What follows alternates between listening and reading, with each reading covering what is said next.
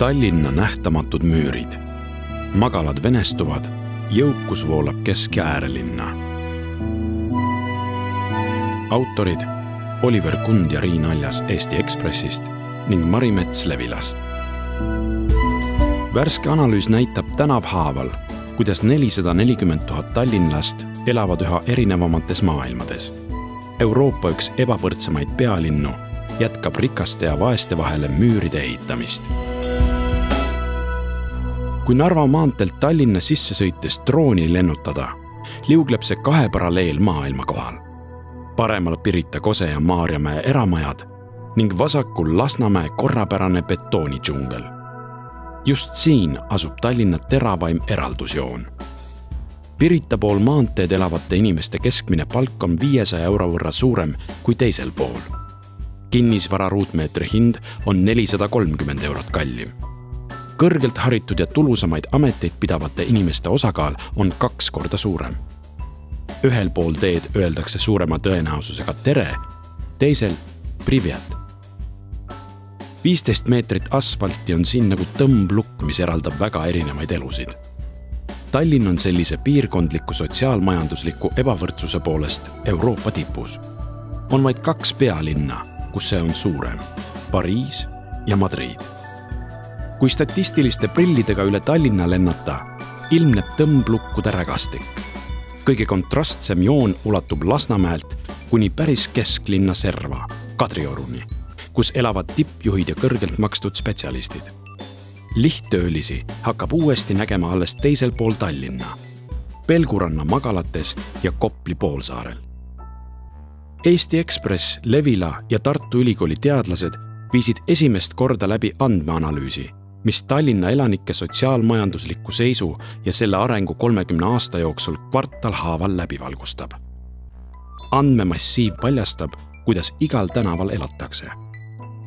Tallinn on tohutu magnet, mis on meelitanud aastakümneid Eesti kõrgharituid. analüüs näitab, kuidas ajud ja raha ei jaotu linnas aga ühtlaselt, vaid otsivad omasuguseid, koondudes Kalamajja, Diskresse, südalinna Piritale või Nõmmele see tõstab kinnisvarahinnad teatud paigus paljudele kättesaamatusse kõrgusse. samal ajal linna magalad, Lasnamäe ja Väike-Õismäe vananevad, vaesuvad ja venestuvad. seal elab sada nelikümmend kaks tuhat elanikku ehk kolmandik tallinlastest. kui Tallinn jagada kahesaja kahekümne üheksaks tükiks, saab selgeks, kui drastiline on olnud Lasnamäe muutumine viimase kolmekümne aastaga kui jätta kõrvale Ülemiste ja Majaka tänava piirkond, jooksevad Lasnamäe ja teised magalad rikkusest üha tühjemaks.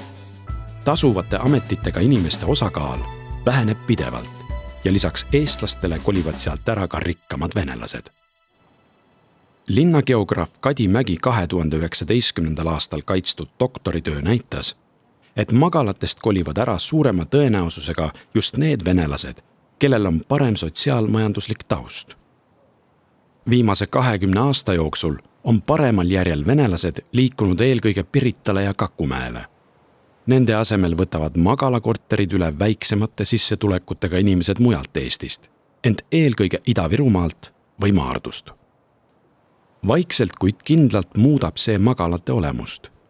üle poole Tallinna kõige vaesematest ja vanemate inimestega piirkondadest ongi nüüdseks Lasnamäel ja ka Põhja-Tallinnas raudreeglina on sissetulek ja rahvus Tallinnas omavahel tugevalt seotud. vaesemates linnaosades on ka venelaste osakaal keskmisest kõrgem. linnas on vaid üks asum, Paevälja uuselamute rajoon Lasnamäel, Lauluväljaku ja Maarjamäe vahel, mis on keskmisest jõukam ja kus venelased on ülekaalus.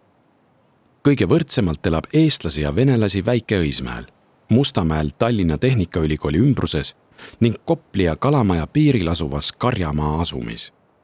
jõukus koondub aga kesklinna ja äärelinnadesse, mis on ühe rahvuse, eestlase nägu. Tallinna ruumilisest eraldusest võivad välja kasvada erinevad probleemid, ütleb aastaid seda valdkonda uurinud Tartu Ülikooli rahvastikugeograafia professor Tiit Tammaru ta põhjendab, et mida rohkem sarnase sissetuleku või emakeelega inimesed kokku kolivad, seda enam hakkab linn osadeks vajuma ja kapselduma. lasteaiad ja koolid on sageli piirkonnapõhised ning lapsed jäävad piirkonda, kus on vanemad. sealt hakkab spiraal. koolid, ebavõrdsus, mõtteviis, valikud, tööturg, sissetulekud. eraldatus kipub taas tootma eraldatust, kirjeldab ta küsimus pole lihtsalt selles, et maasturiga sõitev tippjuht ja bussiga liikuv tööline Tallinnas enam naljalt ei kohtu. Varemgi elasid nad vaimselt erinevaid elusid. nüüd aga üha rohkem ka ruumi mõttes. ruumilisel eraldumisel on sügavad peidetud mõjud. see süvendab gruppidevahelist umbusku ja mittemõistmist. halvemal juhul võib see viia ühiskondlike raputusteni nagu Brexit või pronksiöö seevastu seal, kus sissetulekute erinevus ja ruumiline eraldatus on väiksem, on õnnelikkuse indikaatorid kõrgemad. Inimesed saavad kriisidega paremini hakkama, vaktsineerivad, usaldavad riiki, räägib Tammaru. ruumiline eraldatus kasvab üldjuhul mõni aeg pärast seda, kui inimeste sissetulekud muutuvad ebavõrdsemaks. Eestis kasvasid palgaerinevused kiiresti tuhande üheksasaja üheksakümnendatel ja Tallinnasse tõi see kiire ruumilise eraldatuse kasvu aastatel kaks tuhat kuni kaks tuhat üksteist. Viimasel viiel aastal on tempo langenud, kuid ruumiline eraldatus muudkui suureneb. üks ruumilise eraldumise mootoreid on Tallinna linnavõimu poliitikavalikud. esiteks, Tammaro ütleb, et viimane on elamumajanduse arengut lasknud dikteerida arendajail, sekkudes ise vähe see on olnud investor-led urbanism ja eriti on seda näha Ida-Euroopa riikides. Amsterdamis ei tule linnajuhil pähe öelda, vabandust, me ei saa midagi teha, turg reguleerib end ise.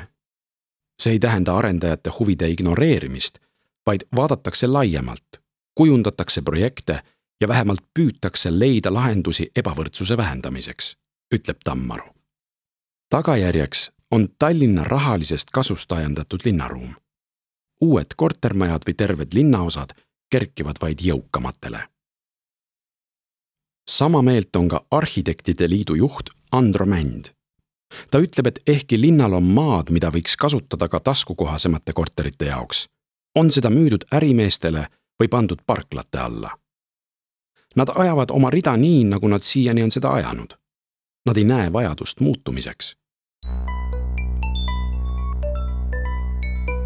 Tammaru hinnangul on Tallinnas veel teinegi oluline eraldatuse mootor.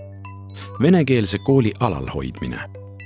see toodab pidevalt juurde kehva riigikeele oskusega noort põlvkonda, keda ootavad tööturul klaaslaed ehk madalam sotsiaalne staatus. see ongi vastuolu Keskerakonna valitsemises.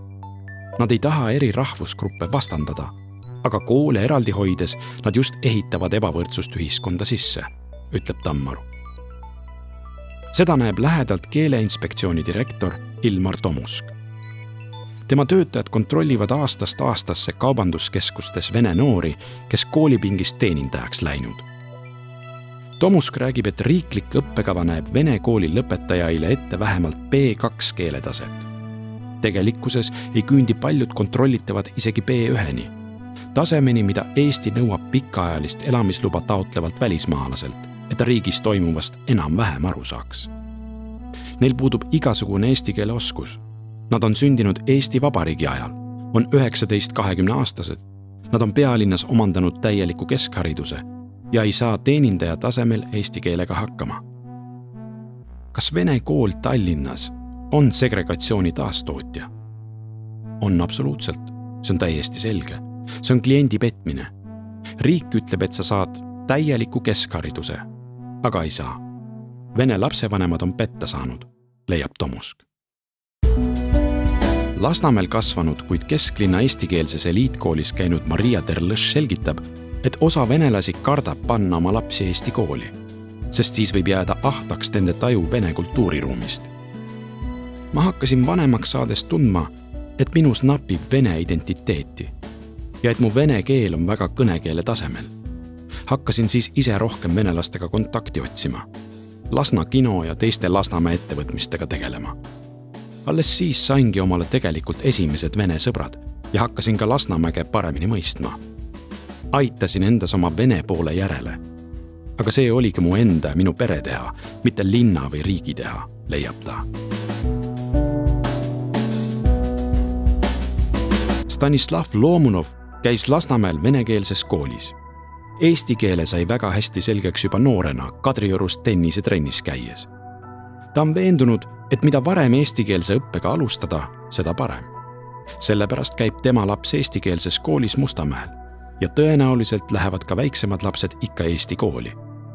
last Lasnamäelt Mustamäele kooli saatma veenis peret see, et usklikena on seal neile sobiva kallakuga eestikeelne kool, kus on samas ka tugev vene keele õpe.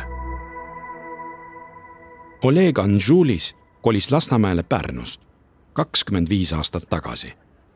Tema käis Pärnus venekeelses koolis ning räägib nüüd laitmatult eesti keelt, mille sai selgeks täiskasvanuna ülikoolis. tema otsustas aga panna oma lapsed venekeelsesse kooli. me ikka pikalt kaalusime, mis kooli laps panna aga kuna kodune keel on meil vene keel, siis otsustasime esialgu venekeelse kooli kasuks. ja väiksem käib praegu vene lasteaias. otsustasime, et teeme kõigepealt ühe keele selgeks ja siis hakkame teisi keeli õpetama. Selge see, et elame Eesti riigis ja peame keelt oskama. alati on nii, et kui tahad suuremat efekti saavutada, pead topelt panustama. ja lastele tuleb eesti keele õppega samamoodi kuklasse hingata. mida rohkem inimene keeli oskab seda lihtsam on tal elus läbi lüüa, selgitab Anžulis. üks paremaid ruumilise eraldumise kraadiklaase on kinnisvaraturg. Londoni näitel on eraldumine jõudmas tippu siis, kui südalinna korterid muutuvad elamispaikade asemel investeerimisobjektideks, kus teenindatakse lühiajalisi üürnikke ja turiste. üheksateist aastat sel alal töötanud Toomus-kinnisvara vanemmaakler Jaanis Rimitsans näeb viimasel ajal just seda. korterite hinnad kesklinnas, Kalamajas ja Pirital hakkavad tõusma sellistesse kõrgustesse, kus perede asemel ostavad neid hoopis investorid. Palju paigutavad kinnisvarasse vaba rahaga need ettevõtted, mis pole kunagi varem kinnisvaraga tegelenud. just viimasel aastal on palju kuulda väljendeid nagu raha põleb arvel ja tuleb kuhugi paigutada, kirjeldab ta. selle pinnalt ennustab Remitsans et kõrgelt hinnatud Tallinna kesklinnast võib saada välismaalaste asum. andmed näitavad, et tal on õigus. Kui veel kakskümmend aastat tagasi oli südalinna asumi elanikest muust rahvusest inimesi vaid neli protsenti, siis nüüdseks moodustavad nad südalinlastest juba viiendiku. sadamapiirkonnas on nende arv kasvanud kümnendikust neljandikuni. kahekümne aastaga on välismaalaste hulk kasvanud kõigis kesklinna asumites Tallinna abilinnapea Vladimir Svet on mees, kes rahvusgruppe eraldavast müürist üle hüpanud. tema Valgevenest ja Ukrainast pärit vanemad kolisid Tallinna kaheksakümnendatel. Lasnamäe poisina lõpetas Svet humanitaargümnaasiumi keelekümblusklassi umbes sama nadi keeleoskusega, nagu kirjeldab Keeleinspektsiooni juht Ilmar Tomusk.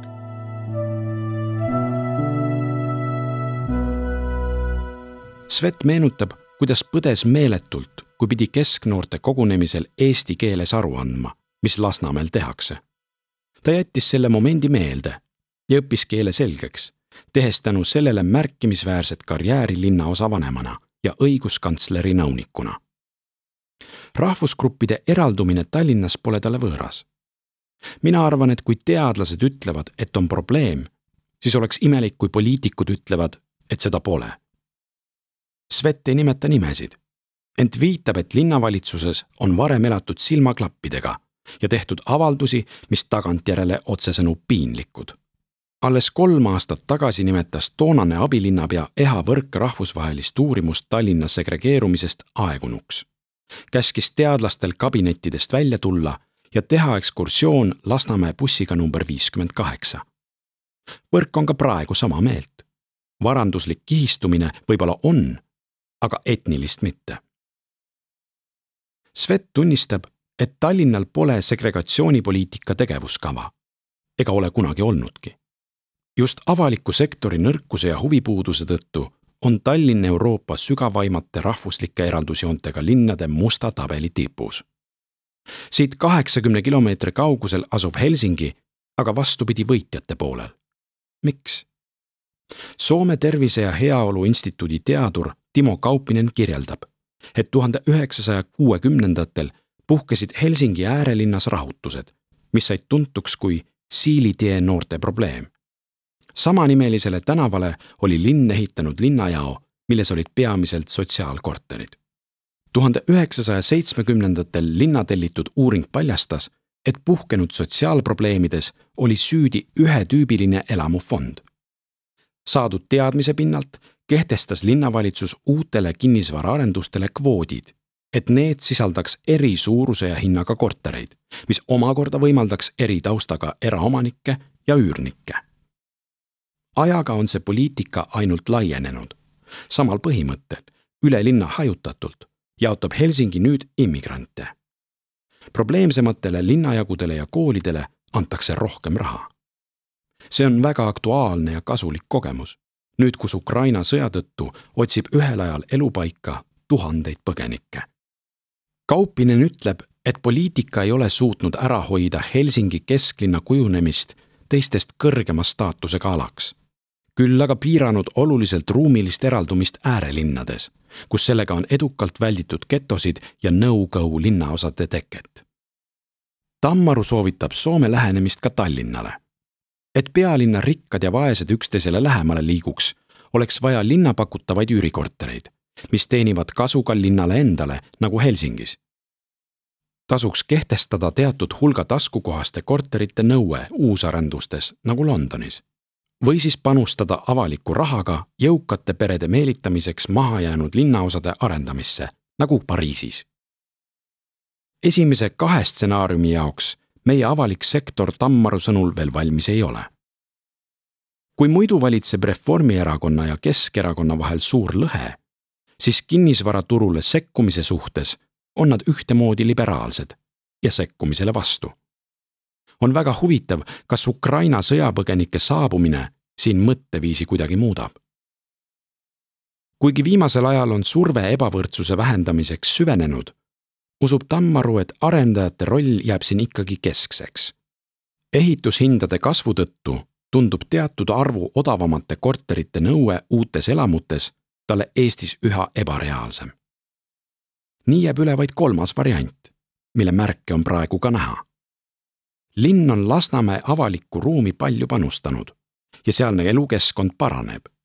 elamute renoveerimise osas on veel arenguruumi, aga üldine pilt on hea ütleb Tammaru. tema ja kolleegide peatselt ilmuv uurimus näitab, et kui uusarendused süvendavad elukoha eraldatust Tallinnas, siis majade renoveerimine aitab seda vähendada. nii oleks üks osa lahendusest eluasemete renoveerimise hoogustamine, mis toetaks ka rohepööret ja oleks oluline järjest kallinevate energiahindade juures abilinnapea Vladimir Svet ütleb, et mõned teadlaste soovitustest on töös. näiteks Helsingi stiilis positiivne diskrimineerimine, kus Lasnamäele kulutatakse teistest proportsionaalselt rohkem maksumaksja raha, on Tallinnas toimunud aastaid. Sveti sõnul on see end õigustanud, sest kui Noblessneris või Kalamajas rajab linnaruumi vaba aja veetmiseks eraarendaja, siis Lasnamäel on see vaid linna õlul nüüd tahaks Svet, et sama tähelepanu laieneks järgmiste eelarvestrateegiatega ka teistesse magalatesse, Õis ja Mustamäele. endise Lasnamäe linnaosa vanemana tajub Svet, et magalate häda on omanikutunde puudumine. see mõtteviis, et see on minu kodu, mul on seos selle paepealse maaga. Kalamaja elanik mõtlebki teisiti, aga Lasnamäel ei saa seda teha kahe aastaga Vene haridus on aga teema, kus praegune linnavõim teadlaste vaadet ei jaga. nõus ollakse probleemiga. Eesti keele tase on kehv, ent mitte lahendustega. Svet selgitab, et venekeelne kogukond on tohutult eriilmeline. mõni sealsest perest koolijuts võiks edukalt minna Prantsuse lütseumi, mõni vajab individuaalõpet. mängima hakkab kodune meelsus, arusaamad maailmast selles olukorras ühtse eestikeelse hariduse kehtestamine mõjuks kogukonnale trotsi tekitavalt. kui öeldakse, et paneme vene koolid kinni, siis nemad loevad sellest välja sõnumi, et meid ei huvita teie hirm. Kas me loodame, et peale seda need vanemad usaldavad haridussüsteemi? tegelikult peame ütlema, et me saame hirmudest aru, selgitab Svet. selleks, et seda probleemi lahendada, tuleb võtta maha pinge tuleb püstitada küsimus, kuidas me saame teha nii, et eesti keel oleks suus? mis tuge ja abi te selleks vajate? Svet loodab, et selline positiivne kava tuleb. Tõtt-öelda pole linnavalitsuse rinnaesine ses küsimuses puhas juba kaks kümnendit hoiab Keskerakond jokk-skeemiga ametis Lasnamäe Linnamäe Vene Lütseumi juhi kohusetäitjat Sergei Karanžad. direktor ei tohi ta olla, sest ei oska nõutud tasemel riigikeelt. kooli seintel ripuvad Vene suursaadiku fotod. igal aastal määratakse Karanžale kuussada nelikümmend eurot sunniraha. Kolmel korral on see määratud ka tööandja Tallinna linnale, kes tasub selle maksumaksja rahakotist linnapea Mihhail Kõlvart on aastate jooksul ära kasutanud kõik ettekäänded, alates peatsest pensionile minekust kuni selleni, et mees on hea direktor. tänaseks on Kõlvart illusioonide loomisest loobunud. tal on barjäär, ta ei suuda end eesti keeles väljendada. täiskasvanud inimene, kardab teha vigu, ei suuda seda barjääri läbida ja seda eksamit ära teha. jah, see on probleem. aga selle juhtumi puhul õpilaste huvid on tähtsamad ütleb Kõlvart. väljavahetamine on linnapea sõnul keeruline. me oleme iga Lasnamäe kooli puhul vähemalt kolm korda konkurssi pidanud tegema, enne kui oleme leidnud direktori. keeleinspektsiooni juhi Ilmar Tomuski sõnul on tegu märgilise juhtumiga, mis mõjutab kogu vene kooli Tallinnas. Karanžad eeskujuks tuues põhjendavad teinekord ka õpetajad, et aga miks meie peame, kui see inimene, kes ei oska, ei pea?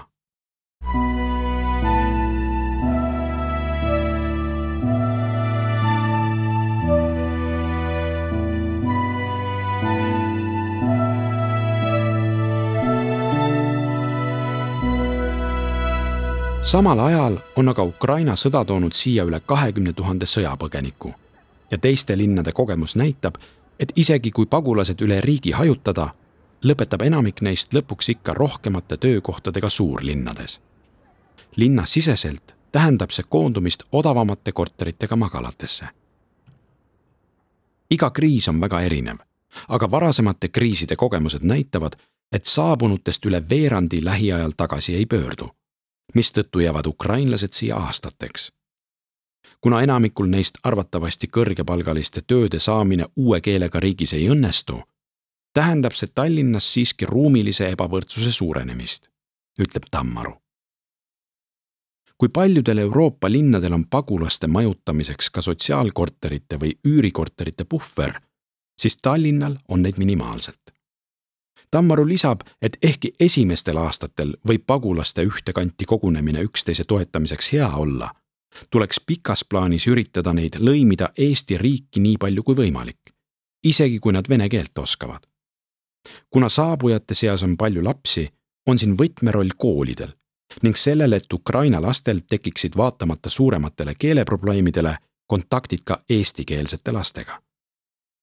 ma kaaluks ka paariks aastaks üüritoetusi, mis laseks inimesi hajutada paremini üle linna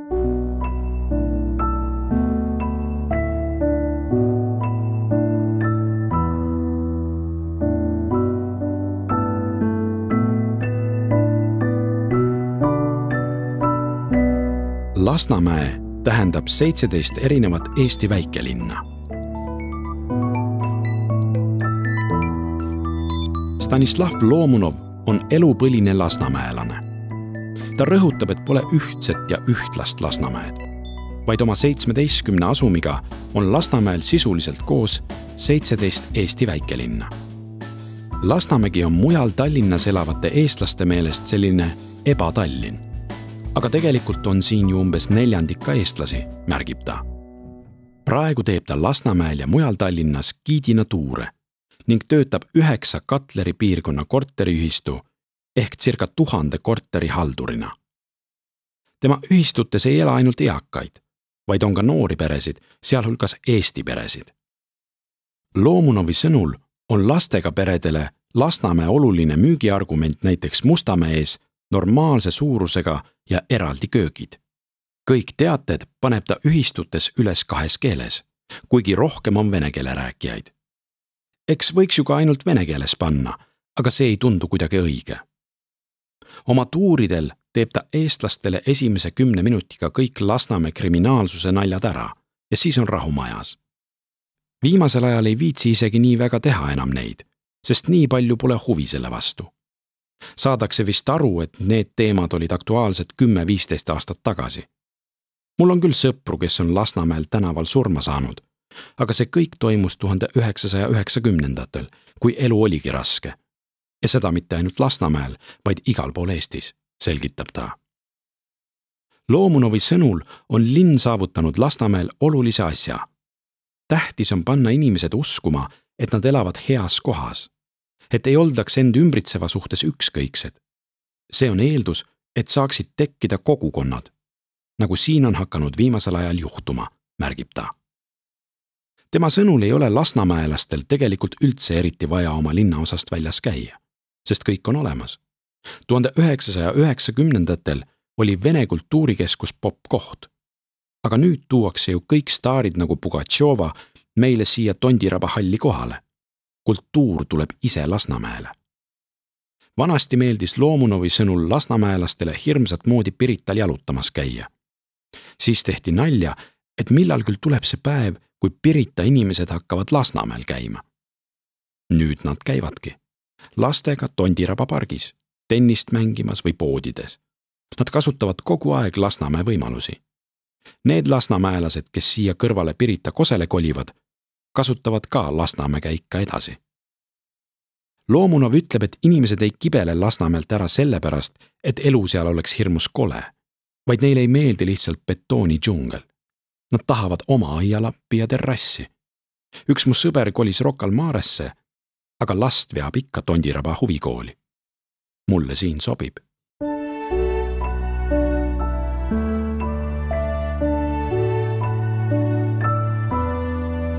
Tallinnas suur prohmakas nimega Raadiku.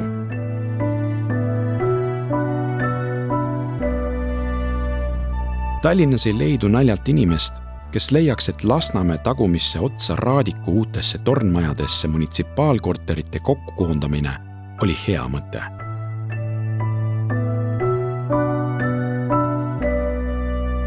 esmaspäeva keskpäeval istuvad kaks noort korralikes jopedes meest Raadiku elurajoonis trepikoja ees pingil ning püüavad esimesi sooja päikesekiiri.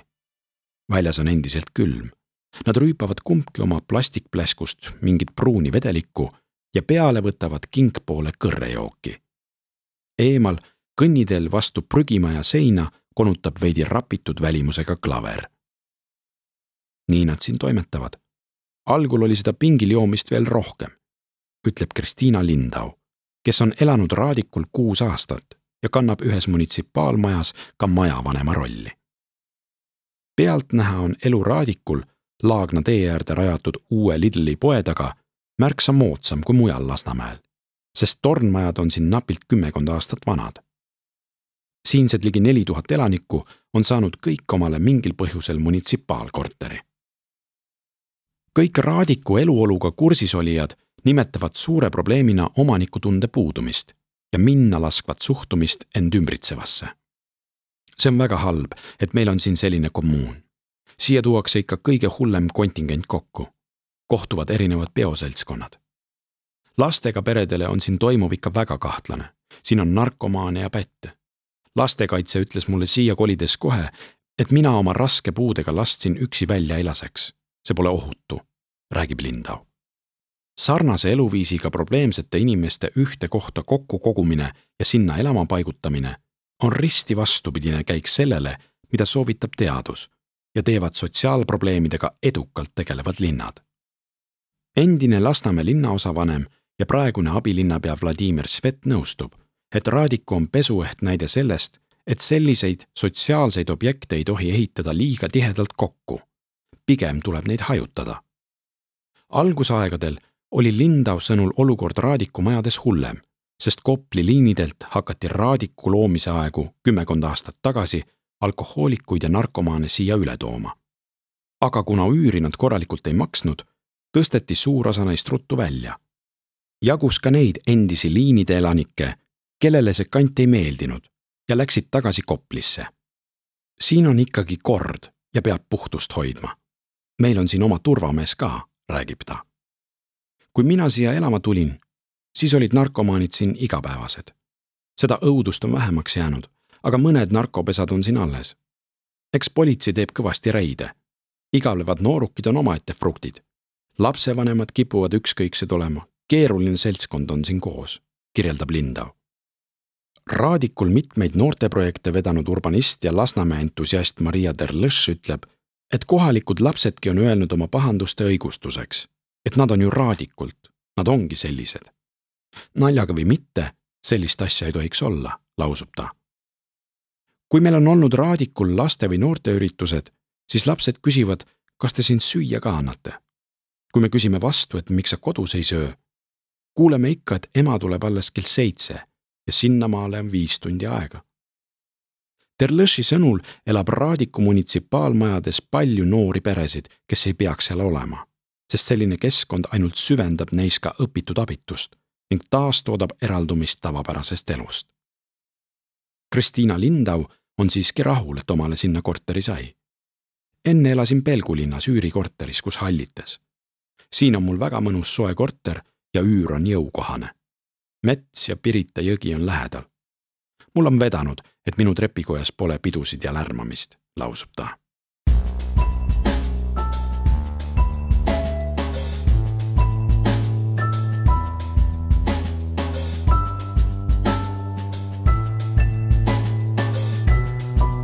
Mida me veel andmetest avastasime? Tallinna kõige eakam piirkond on alati olnud Priisle lõpp Lasnamäel. seal asub Iru hooldekodu ning lähedal pole palju muid elanikke, kes piirkonna vanust tasakaalustaks. Tallinna inimesed muutuvad iga aastaga keskmiselt vanemaks, eriti Lasnamäel ja Koplis.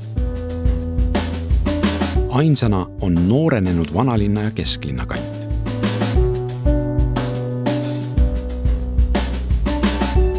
Tallinna välismaalaste mekad on Sadamaasum ja TTÜ piirkond. kõige rohkem välismaalasi elab TTÜ ja Sadama piirkondades. esimesse kolivad peamiselt tudengid, teise kõrgepalgalised välisspetsialistid.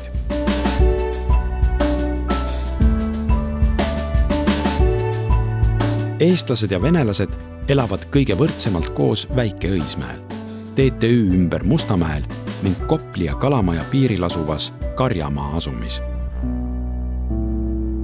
Mustamäe on erinev Lasnamäest ja Õismäest. Mustamäel elavad vanemad inimesed ja seal on vähem venelasi. Mustamäe ehitati tuhande üheksasaja kuuekümnendatel, kui suur osa sisserändajatest asus Tallinna asemel elama just Ida-Virumaale. kuna sõjajärgsel ajal oli korterite vajadus suur, asustasid eestlased Mustamäe uued korterid kiiresti. Hiljem Tallinnasse rännanud said korterid sagedamini Lasnamäele ja Õismäele paljud Mustamäele esimese laine ajal korteri ostnud inimesed pole eluruume vahetama kippunud. seetõttu ongi inimesed seal vanemad.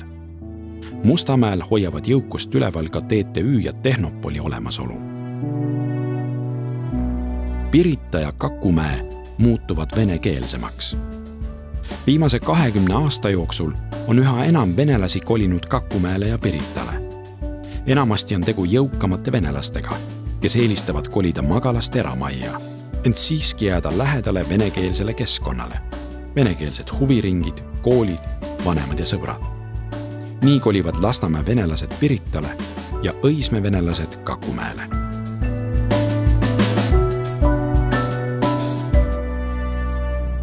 Lasnamäe ja teised magalad jooksevad rikkusest tühjemaks.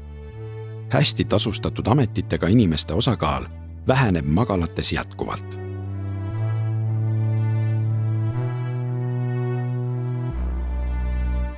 vahepeal rohkem segunenud Kalamaja, Kassisaba ja muud kesklinna lähedased alad muutuvad aina ühekülgsemaks. kui esimese viieteistkümne iseseisvusaasta jooksul elasid seal venelased ja eestlased segamini, siis nüüd kõik kesklinna ümbruses olevad alad kallinevad ja eestistuvad kiiresti. samal ajal muutub Lasnamäe aina venekeelsemaks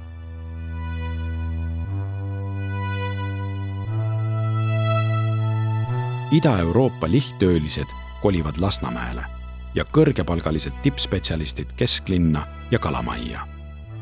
kui migratsioonipoliitikat muudetakse nii, et pikem elamisluba saadakse ka seni seatud piirist madalama palgaga, võib see tulevikus segregatsiooni aina suurendada